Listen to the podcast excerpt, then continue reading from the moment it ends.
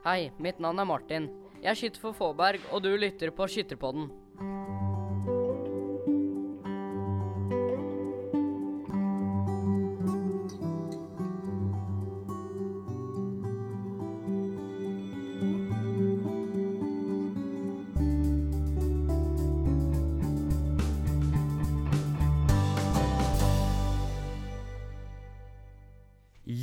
Velkommen til Skytterpodden, en podkast som er lagd i samarbeid med Skyttertidene og Det frivillige skyttervesen.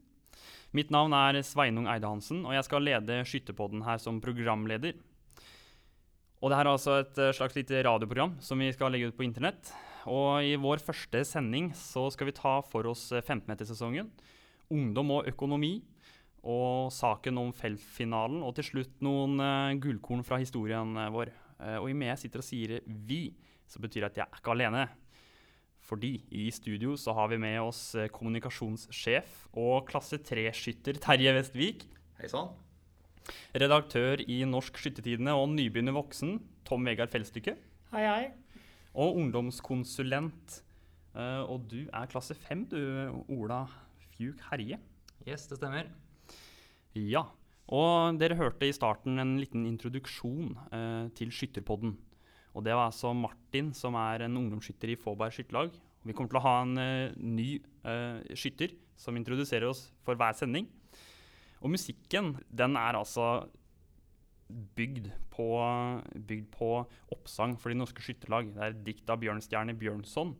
Uh, og den er tonesatt av over 30 komponister i en svær konkurranse. Men de valgte aldri noen vinner. Men jeg har brukt et av de bidragene her og bare gjort en liten sånn tolkning. Så vi har tenkt på alt her. Til og med musikken har noe med DFS å gjøre. Og da er det vel egentlig bare å kjøre på her, Tom Vegard. Hva, hva skal den podkasten her være? Eh, målet med podkasten er jo at man skal speile litt mangfoldet som er i frivillig skyttervesen. Eh, ikke bare det som skjer nå, men det som òg har skjedd tidligere. Og det er viktig òg at man kan fortelle litt om det som er utover selve sporten vi driver med, som er en liten del, eh, strengt tatt. Mm. Fordi DFS Ja, vi, har, vi, vi, vi, vi, er en del av samfunnet på, på mange plan. DFS har hatt mye å si tidligere, og vi har mye å si fortsatt. Terje, hva, hva tenker du om DFS og podkasten her? Og kan du ikke dele noen tanker? Nei, Veldig spennende. Enig med Tom Vegard. Jeg har store forventninger til podkasten. At det skal bli noe som viser DFS i full bredde. Og ikke bare sporten, som vi mange av dem som sikkert hører på, tenker at de driver og skyter for det er en sport, men her skal vi også vise det frivillige skyttervesenet at den har mye elementer mer enn bare den skytersporten som vi driver. Vi har vært en viktig organisasjon helt siden vi ble starta i 1893, så det, her er det mye å ta av også i historien som jeg håper jeg skal få lov til å snakke litt om. Ja. Og Ola, du er ungdomskonsulent. Hva er dine tanker om podkasten? Altså, jeg håper jo at folk skal, hvis det er noen som hører på dette, at de skal bli litt mer kjent med oss på kontoret. Uh, hvem vi er. Altså, vi er jo skyttere, vi også. Jobber ute i skytterlaga. Og liksom få litt innblikk i hva som skjer på skytterkontoret. da, mm. Hva vi gjør til daglig. tenker at det, også, at det her kan være en fin portal for det. Uh, så jeg er veldig tror dette det kan bli veldig bra. Det bugner av stevner, og det er folk går mann av huset for å skyte. Og jeg har gjort et lite intervju med noen som arrangerte stevne nå forrige helg, i Nittedal. Da sitter jeg her på Nittedal skytterlag sitt klubbhus. Her har vi med oss Per Einar Lunde. og Åssen har stevnet gått fram til nå? Nei, Det har gått bra. Det er jo alltid noen tekniske utfordringer med elektroniske skiver, men vi har ridd av de verste problemene. og vi er på tiden i hvert lag nå utover dagen, så, så, vi er godt fornøyd. Det er bra oppmøte, så dette blir bra. Men dere hadde en uh, real kabal her uh, i stad. Fortell litt om den. Ja, det var uh, et lag hvor, hvor, det var to linkskyttere. Og her vanligvis da, så, så ligger jo linkskytterne på en kantskive ute høyre. Skive, skive, ja, den siste skiva og innover. Men her var det forhåndspåmeldt. Og, og, da var de skivene tatt, så var det to linkskyttere som etteranmeldte seg i det laget, og som da måtte rokeres inn i, i, laget. Og så måtte de som hadde de skivene som de skulle ligge på, flyttes til andre skiver. Um, og så hadde vi da en eh, skive som vi ikke fikk opp i stående, så når vi da skulle rokere om, så kunne man heller ikke sette en stående skytter på den skiven. Så det, det ble en liten sånn kabal i listene her, men uh, vi nøster alle trådene, og det, det, det gikk opp, det òg. Jeg må si det er uh, artig å se at uh, humøret er på topp, tross at det har vært 340 skyttere ja, Prognosen vår nå er 340. Vi har ikke hatt alle 340 innom ennå, men eh, vi har skytedag i morgen også. Så hvis det ikke blir eh, veldig mye forfall, så skal vi nok lande på 330 340. Hvordan er det i forhold til eh, frafall osv.? Fordi altså, stort sett alle lagene er jo stappa med skyttere fra morgen til kveld. Hvordan ser det ut eh, på slutten av dagen?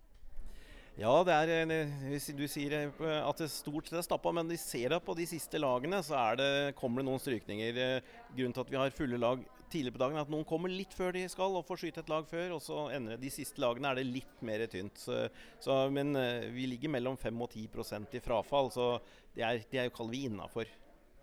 Og skytterne er flinke til å si fra, eller hvis de ikke kan komme? Ja, De er både òg, det der. Eh, noen, eh, noen, er flinke. Og eh, vi har jo tatt en runde og sendt ut en e-post til de som var forhåndspåmeldt, og, og bedt de om å si fra hvis de ikke kom. Og det ga faktisk litt rush av avmeldinger før vi stengte påmeldingen. Og da, da, fikk vi da nye som kunne melde seg på de plassene. Og det var et, ja, lite sjakktrekk, vil jeg nesten si. Ja, men det høres bra ut. Lykke til videre med gjennomføringen av stevnet. Takk for det. Det er farlig. Da står jeg inne på kjøkkenet her og snakker med sjefen på kjøkkenet. Hun vil ikke vedkjenne seg det, men uh, skal vi se, Bjørg Margrethe Jøndal, du er klasse 2-skytter og er fra Nittedal skytterlag. Åssen går det her på kjøkkenet nå? Det går strålende. Her går det unna med både vaffel og karbonader og pølser og hjemmebakte kaker. Så skytterne er, eh, er gira på noe å spise altså, etter de har skutt? Ja, de tar jo det som en premie etterpå, da. Ikke trøstevafler? Noen kaller det trøstevafler òg. Ganske mange, kanskje. ja, ja, ja, det er bra. Uh, og ellers uh, resten av de som står her på kjøkkenet, skyter dem, eller? Nei, de er nok mammaer til skyttere. Ja, Så da kan uh, vi andre skyttere som flyr rundt på stevner, takke de som faktisk ikke driver med skyting? De er vel så viktige som skytteren. Vi må ha noen bak skytterne også. Helt klart. Uten mat duger ikke helten, vet du. ja, men uh, Tusen takk for praten, og lykke til videre med resten av stevnet. Tusen takk. Ja, det var Per Einar Lunde og Bjørg Margrethe Jøndal i uh, Nittedal skytterlag. Og de hadde jo en uh, real kabal uh, og ja, problemer med å få, få, få ting til å gå opp. Ola, hvor vanskelig er det å arrangere stevne? Det har blitt veldig mye lettere nå enn det var før. Men uh, akkurat det stevnet til Nittdal det syns jeg er veldig imponerende. Fordi uh, de har et veldig stort stevne. Jeg tror det var nesten 300, ble sagt der nå at jeg tror de hadde 340 eller 39 deltakere. Uh, og de har da seks skiver innendørs på banen sin. Mm. Til sammenligning så har de 340 ca. på utendørsstevnet sitt. Og der har de da kanskje 20 skiver. De skal da få klemt alle de skytterne inn på de seks skivene. Og de holder jo på da hele uka. Eh, og, så det er et eh, det er et kall det luksusproblem. da, for det er jo eh, ja, ja. sånn som i, i, eget lag så ser vi at Hvis vi skal melde på til et stevne, så er det jo veldig vanskelig. Folk sitter klare når påmeldingen starter. og Det er veldig vanskelig å få plass. da, Så innendørsskytinga har en, fått en ja, det er ekstrem interesse for den. Mm. Og det syns du er moro, eller Terje? Ja, kjempeartig med innendørsskyting. Og det er jo, som du Ola sier, også veldig krevende mange steder. det at det er færre skiver. Og her skal jo hele klassesystemet vårt skyte på samme banen. Ute har vi 100 meter og 200 meter, og vi har finfelt og grovfelt og kan dele litt opp sånn. Men altså på innendørs så blir det problemet til dem som arrangerer stevn, at de har for få skiver i forhold til interessen. Og det sprer seg utover landet. Det er veldig mye her på Østlandet. Ser at det mest krevende her. Det er mindre krevende der jeg kommer fra og drar og skyter en del stevner opp i Trøndelag, og kanskje også opp i Nord-Norge, men det er et stort press der, altså. Mm. Jeg må bare ta en ting eh, med en gang her. fordi eh, Da jeg var ferdig med å intervjue Margrethe, så, så kom de andre bort til meg på kjøkkenet og sa at du, hun, eh, Margrethe hun er ikke bare sjef på kjøkkenet, hun er også ildsjel. Og det er viktig, det er en veldig veldig viktig rolle det, i arrangering av stevner mm. og, og, rekrutteringsarbeid. Og hun snakka masse om det, og kjempeengasjert. Åssen ser det ut med skytterskoler nå denne høsten her? Altså det, Skyteskole er, det er i full gang. Eh, det er litt vanskelig å si hvor mange det vil bli foreløpig. fordi eh, innrapporteringen skjer jo etter at skyteskolen er ferdig. Eh, men det ser veldig bra ut. og vi ser, Jeg har jo kontakt med lag rundt omkring og ser på sosiale medier at det er mange som arrangerer. Og, Så det, det ser veldig lovende ut. Vi knuste jo i fjor, så i 2016 så hadde vi jo satt jo ny rekord på antall lag som arrangerte. Og det håper jeg at vi skal få til eh, denne, dette året her òg.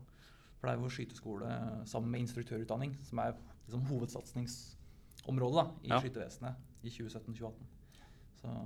Men det er veldig gøy å se. Vi har jo disse nye gule T-skjortene, og folk sender jo bilder med dem. og det, det er gøy å se engasjementet ute i laga. Det er det.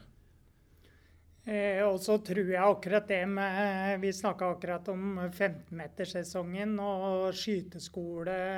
Nye ungdommer som er på vei inn i skytterlaga, så er nettopp 15-metersesongen ganske viktig for å få de med ut og få en trygg innføring i det å være med til stede på konkurranser. For det er jo alltid et mål for alle skytterlag å få ungdommene med utafor sitt eget skytterlag.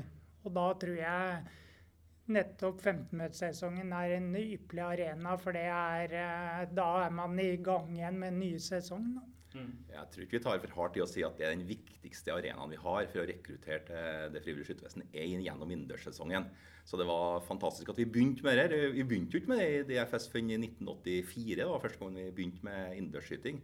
Og det har blitt så mange innendørsbaner nå over det ganske land. Og det er et skytterlag uten innendørsbane starter på minus altså i forhold til rekruttering. Så det å ha, få på plass det er helt avgjørende vil jeg si, for å drive et sunt og godt skytterlag. Vi ser jo det på de skyteskolene som, som blir arrangert også. Så er det jo 95% som arrangeres innom høsten.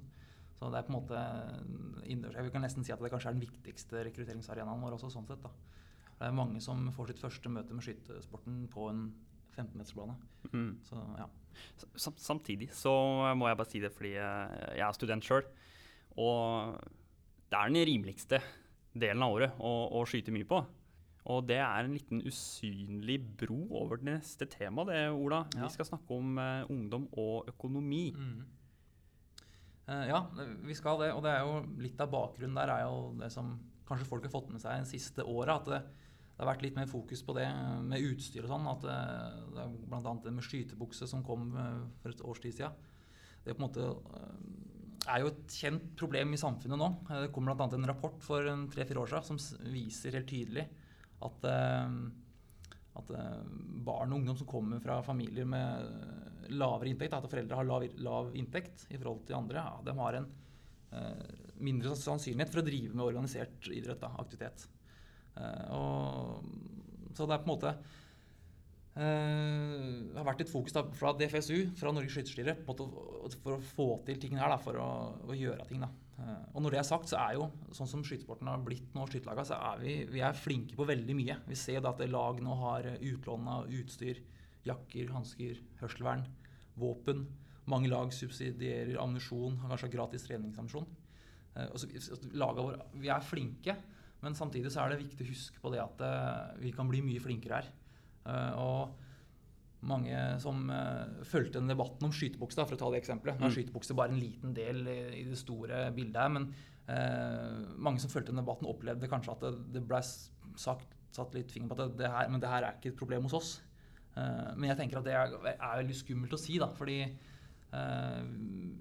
vi kan på en måte ikke flytte skytterlaga ut fra samfunnet ellers. Eh, altså, det er på en måte ting som i den tida vi er i kan være viktig å sette fokus på. Da, akkurat det her. Eh, og det er mange ting, altså Skytebukse var ett grep. Det er utrolig mange ting eh, man kan gjøre. Men det er bare, bare det å ha fokus på det også kan være viktig. da. Så tror jeg det er en vesentlig forskjell hvis man ser 15-20-25 år tilbake i tid òg, så skyter jo en skytter i dag eh, relativt stor andel mer eh, konkurranser enn de gjorde før i tida òg.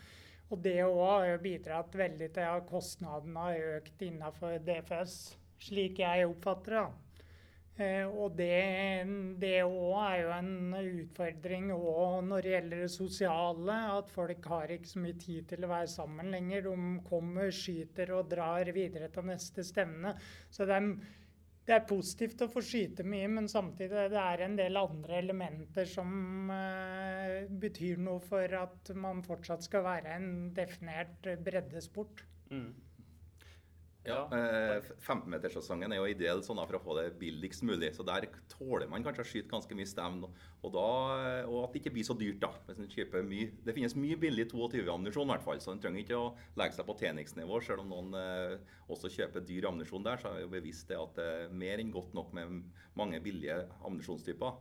Men da er utfordringen en som jeg ser en tendens til. For det første ser en tendens til at innendørssesongen begynner tidligere og tidligere, og det er helt fint, det, egentlig. Men det er jo aldri pauser nå igjen hele året. Nå går det fra felt til bane til innendørs. Det er aldri noe sånn stopp. Det er vel litt rann, kanskje elgjakt i september, ellers er det full rulle igjen. Og det er jo fint i den enden. Men så kommer du da at du skal over nyåret, og vi begynner å ønske at nå skal feltaktiviteten ta seg opp. Ja. Vi skal ut og, og være der. Og da er det sånn Det kan være litt for behagelig å være inn og skyte billig i stedet for å ta det steget ut og skyte feltskyting. Ja, det er veldig sant, det. Uh, Sjøl elsker feltskyting. Uh, det er jo så moro, og, og man blir jo testa på alle områder. Det er ikke bare å ligge og, og trekke men Det er, jo- kan du si er, det er det enkleste. Men du skal jo skru på vind, du skal jo du skal kunne avstander, og, og det er en veldig kompleks eh, disiplin. Man blir testa på alle områder. Og felt eh, Ja, nå har vi en usynlig bro videre her. Jeg er veldig fornøyd med det her, ja. Fordi neste punkt, det er eh, NM-felt og finalen der. Fordi nå er Nå skal det på høring hos, hos Samlaga. Terje, hva, hva er bakgrunnen for at man skal se på finalen i feltskyting på Landskjøtstevnet? Jeg vil begynne med det du snakka om før, der, at feltskyting er veldig vesentlig for eh, DFS. og Det var derfor at jeg brukte noen ord også på det å få overgangen mellom 15-metersesong og feltsesong. og Dette kan være litt ulikt eh, i, eh, i løpet av landet, hvor, om du er nord eller sør i landet. Men eh, greia er at eh, styret er veldig opptatt av hvordan skal du få feltinteressen, hvordan skal du få økt oppmerksomhet rundt feltskyting. Og da har det altså vært i vinter en stor sak i skytterstyret. Kan vi gjøre noe med Norgesmesterskapet i feltskyting for å få større oppmerksomhet om det på landslagsstevnet? En finale som blir mer publikumsvennlig, og at vi kanskje kan få en finale også som NRK kan tenke seg å sende i feltskyting, som er eh, viktig, og kanskje den viktigste disiplinen som vi ser eh, fra DFS sentralt. Og der har da saken begynt. Ja. Og sette sett oss inn i de Det, det er tre spørsmål, da. Er det ikke som uh, Jo, hva, det- hva er det man skal prøve Det, å gjøre? nei, det, det spørsmålet som kommer ut nå, det går jo på at uh, om det ønskes en slik endring i den retningen som er eh, at, at man skal gjøre grep for å få større oppmerksomhet, mer oppmerksomhet gjennom stevneuka og en finale da, som kan være TV-vennlig. Om det i hele tatt er noe interesse for det. For når styret kom med et forslag i vinter der de da sa at det skulle dannes et feltlag basert på 30-skudden, at de 16 bestene fra 30-skudden skulle gå rett i en finale fra stang og felttur til arena, da fikk det stor motstand. For da mente de at det var mange som ble ekskludert fra å kunne skyte om norgesmesterskapstittelen i felt, som har 30 treffer. På landslagslandet så har vi jo 50 eh, pluss kanskje som skyter 30 treff, og alle dem skulle få nulle ut innertreffene sine. Så det ble motstand her da, ikke sant, i det systemet. Så, men, men samtidig så var det noe med å kunne at Spiker, da, arenaproduksjon, kunne hele tiden informere om er du, i, er du i feltlaget eller er du ute av feltlaget. Ja. Som vi har i baneskyting gjennom hele uka. Ja. Er du på kongelag, er du blant de fem, altså er du ikke. Nå blir feltskytinga litt gjemt bort også fra spikertjenesten, fordi at det er vanskelig å kommentere annet enn at det er nok en person som har skutt 30 treff. Ja. Og dermed så blir det litt, litt lite snakka om. Og så er det jo til slutt da på landslagsstevnet, det er jo en eh, teknisk sak, det er jo vi må ha eh, feltfinalen til slutt, sånn i forhold til gjennomføringa. Og da er det å skapt noe mer enn den feltfinalen som i dag er fra, fra banen. Men eh, dette er nå på, skal på høring, og dette Ja. skal da diskuteres i alle samlagene og forhåpentligvis nå i skytterlagenes årsmøte. Det er ikke en kjempevesentlig sak hvordan vi gjør NM-felt, men det er vesentlig at vi har en måte å kåre denne vinneren på som, er, eh, som folk aksepterer og syns at dette vil jeg trene for å satse bli norgesmester i feltskyting. For det er ikke å stikke. Vi, vi syns den finalen som vi gjør nå, blir litt stusslig gjennomført, og vi sliter litt med grepet for å få den til å komme fram med mer oppmerksomhetsmessig også på LS-arenaen. Og så tenker jeg, som skriver mer om de sportslige resultatene på LS, så tenker jeg det er en vanskelig avveining mellom det ønsket, sånn som man har hatt de siste åra, med vinnere fra skive ganske langt bak i rekka etter 30-skudden. Riktignok med samme antall treff, men de har ligget langt bak i skivene. Og det er stas og utrolig bra for en breddeorganisasjon som Frivillig Skyttervesen at man nettopp får vinnere fra bredden, og ikke bare at det er toppene som stikker av, for det er, det er mer tydelig på banen. Samtidig så ønsker jo alle at felten skal få den eh, oppmerksomheten man ønsker og mener at felten trenger. Og det er nettopp det som er den vanskelige avveininga, tror jeg. Så det er litt spennende òg for meg å se om samlagene har noen gode tanker for hvordan man kan kombinere akkurat de to elementene. Ja. Ha, har vi noen uh, hva, hva, kan et forslag være? Kan det f.eks. være å prøve å flytte finalen ut på en stangarena? Er, for, for, poenget mitt er bare Er felten i, i sitt rette element på en standplass? Det har du helt rett i. ikke sant? Og Det var jo det som lå, eh, lå for her nå. ikke sant? At de 16 i feltlaget skulle skyte fra stang- og feltarenaen. Men vi kan jo tenke oss andre konstellasjoner der. Men det må bygges opp en finalearena. ikke sant? Du kan spise veldig mange skyttere. Mm. Så den banearenaen er veldig effektiv for å få unna veldig mange i en feltfinale. Så det er også noe med økonomi og oppbygging her som er ganske krevende hvis du skal ha en, enda en plass å ha eh, en finale. da. Men det er flere måter å tenke det. Man kunne f.eks. skutt 42 skudd med en gang. Og da delte ut stjerner og medaljer. For det var kanskje en del av den motstanden her òg. At det var noen som gjennom å være blant de 16 beste som allerede har sikra seg noe, og mange som ikke lov til å være med. Så det ble noe som ikke helt var likt DFS på det. I første, når folk fikk høre her om det første gang, i hvert fall. Hvor vi ender ut, det er en helt annen sak. Du, har, du sitter og ruger på noe her, Ola. Hva er det du vil si? Ja, det er jo, altså jeg tenker, jeg er ikke sånn super inn i saken, men jeg tenker at det, det er jo et prinsipielt spørsmål her på en måte som går på litt det Tom Vegard var inne på, at det med forhold til eh, hvordan man ivaretar bredden da, i den sånn feltopplegget er på Lancet nå. Eh, og det er jo altså Feltfinalen sånn som den har vært fram til nå, der har det jo eh, altså, Der er, kan holde på å si hvem, ikke hvem som helst, men der er det ganske lav terskel for å delta. Eh, eh og det er på en måte litt av sjarmen med både Landskyttersten og Skyttervesenet også. Akkurat det der. Det er på en måte litt sånn Akkurat den diskusjonen med feltfinalen og hvordan den er, går kanskje litt djupere enn bare akkurat på Landskytterstenet, men litt sånn mer hva organisasjon, organisasjonen er for noe, tenker jeg. For det, det er uh, Jeg personlig syns det en, kan være en litt skummel trend når du på en måte hele tida skal gå mot Legge til rette for de beste, da, for, for, å si det på den måten. Eh, men det skal på en måte også være oppleves som et bra arrangement også, så det, det må på en måte vektes og, eh, og veies opp eh, for og mot. Da. Og, det, og som, som Vegard sier, at samlaga kan komme med noen gode innspill her, det er jeg helt sikker på.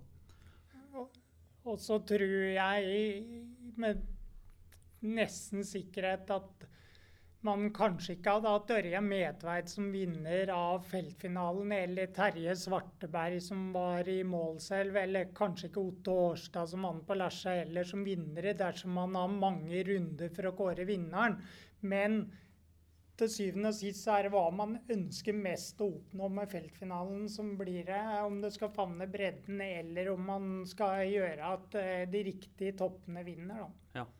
Ja, altså, ja, jeg syns Tomegar oppsummerer ganske bra. For det er eh, eh, så, Som ble sagt innledningsvis her, feltskyting skal på en måte måle andre ting enn bare en presisjonsskytinga. Det er mange, mange andre innvirkninger. Altså, det, det, det, er mange spørsmål her. og Det kan gjøre at debatten i seg sjøl er sunn, og at vi bare ender opp med som det i dag tilnærmet òg. Men da har vi i hvert fall hatt en debatt om det. Mm. Så det er på generelt grunnlag i DFS de kan bli litt sånn at å, nå skal de endre, nå skal de gjøre når det kommer opp gode forslag. Nei, det kan at vi reiser et spørsmål, sjekker om dette her er noe, og så da tar vi ned igjen. Det var jo tross alt en prøveordning som det satses på i år òg, men folk ble da syntes at dette ble å gå for langt likevel. Så det, man må tørre å løfte det ballene, og så får vi ta dem til å se. Nei, vi, vi holder som i dag. For jeg er veldig enig i det dere oppsummerer, både Ola og Tom Vegard, at dette her har litt med noen verdier også, som ikke bare har med den oppmerksomheten som da eh, var utgangspunktet her. Mm.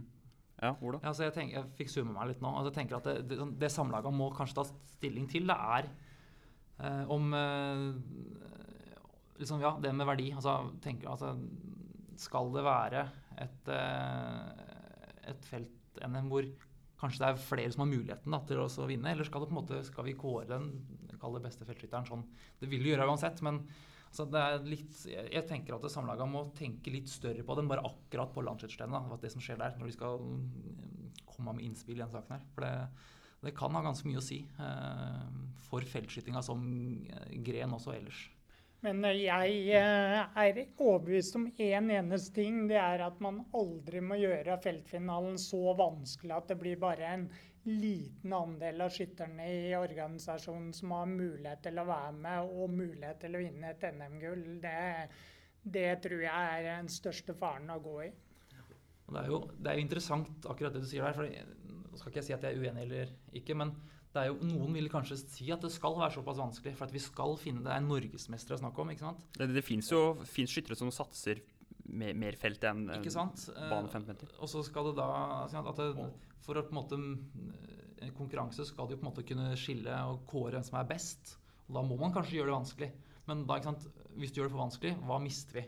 Det er en stor diskusjon. Ja, og her har det jo flere ganger vært oppe på Skyttertinget at NM-felt skal flyttes ut av landslagsstevnet. ikke sant? Mm. Også fordi, nettopp fordi at det skal være en feltskyting som er mer reell i forhold til det som er hardcore feltskyting. For det får vi ikke på landslagsstevnet. Men den er jo tapt. Men, eh, ja, for, eh, men der vil jeg si sånn som Østlandsmesterskapet. da.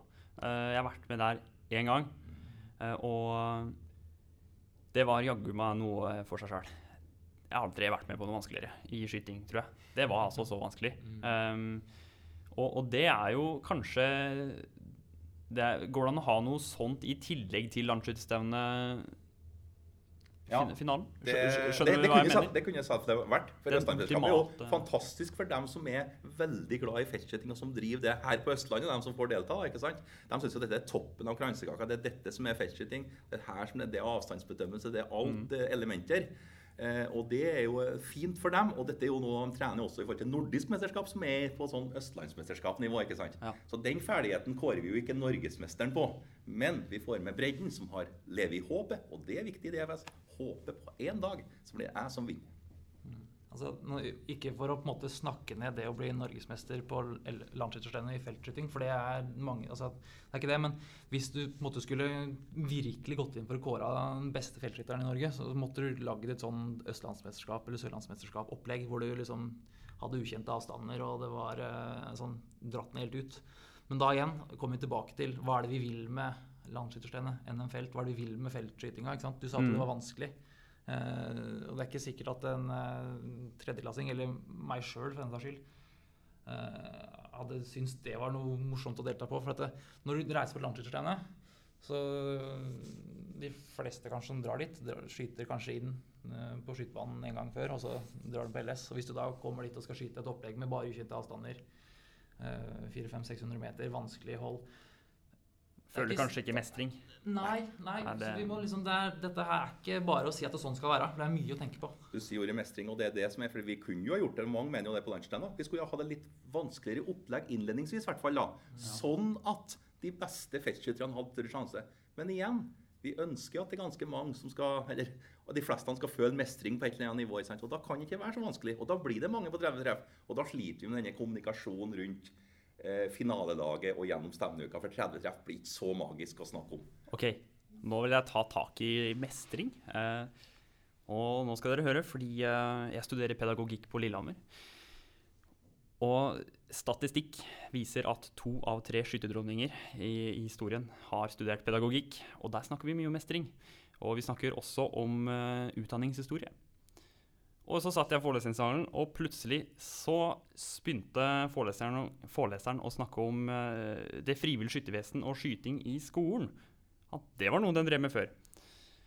Og det bringer meg over til historien. Terje og Ola mm. Tom Vigard, jeg syns det her er kjempeartig. Jeg, jeg, var jo i fyr og flamme i den forelesningssalen. Må jo arrestere den foreleseren litt. da. Det er jo det er ikke bare noe vi drev med før skyting i skolen. Det er jo mer i ilden enn kanskje noen gang. Vi har jo Eh, F.eks. ved NTNU i Trondheim så forskes det jo på uh, skyting. Uh, mm. Og den effekten skyting har på elever som har konsentrasjonsvansker, altså ADHD osv. Så, så Det er noe som eh, er mer i ilden enn noen gang.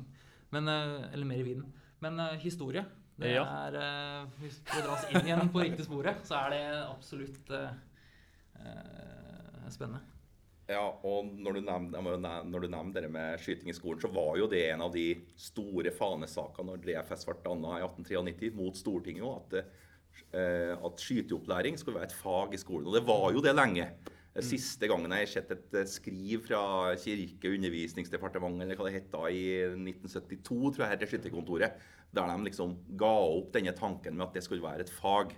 Så, eh, og Det er nok tungt å få det inn som et fast fag, at alle skal lære skyting. Selv om Ola og vi, vi er helt enige at sånn skulle det ha vært i skolen, for det er så mye god opplæring å drive med skyting.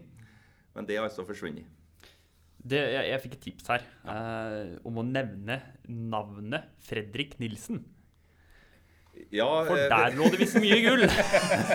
Vi snakka om flere vi nå før sending, så det er mulig at eh, vi snakka om Odd Sandnes, bl.a., som, som sa at han begynte med sin skyting fordi at han eh, var med på skyting i skolen. Det var sånn han eh, fant skyttersporten. Altså, han som ble skytterkonge i, i 1950, eh, Odd Sandnes, veldig god skytter.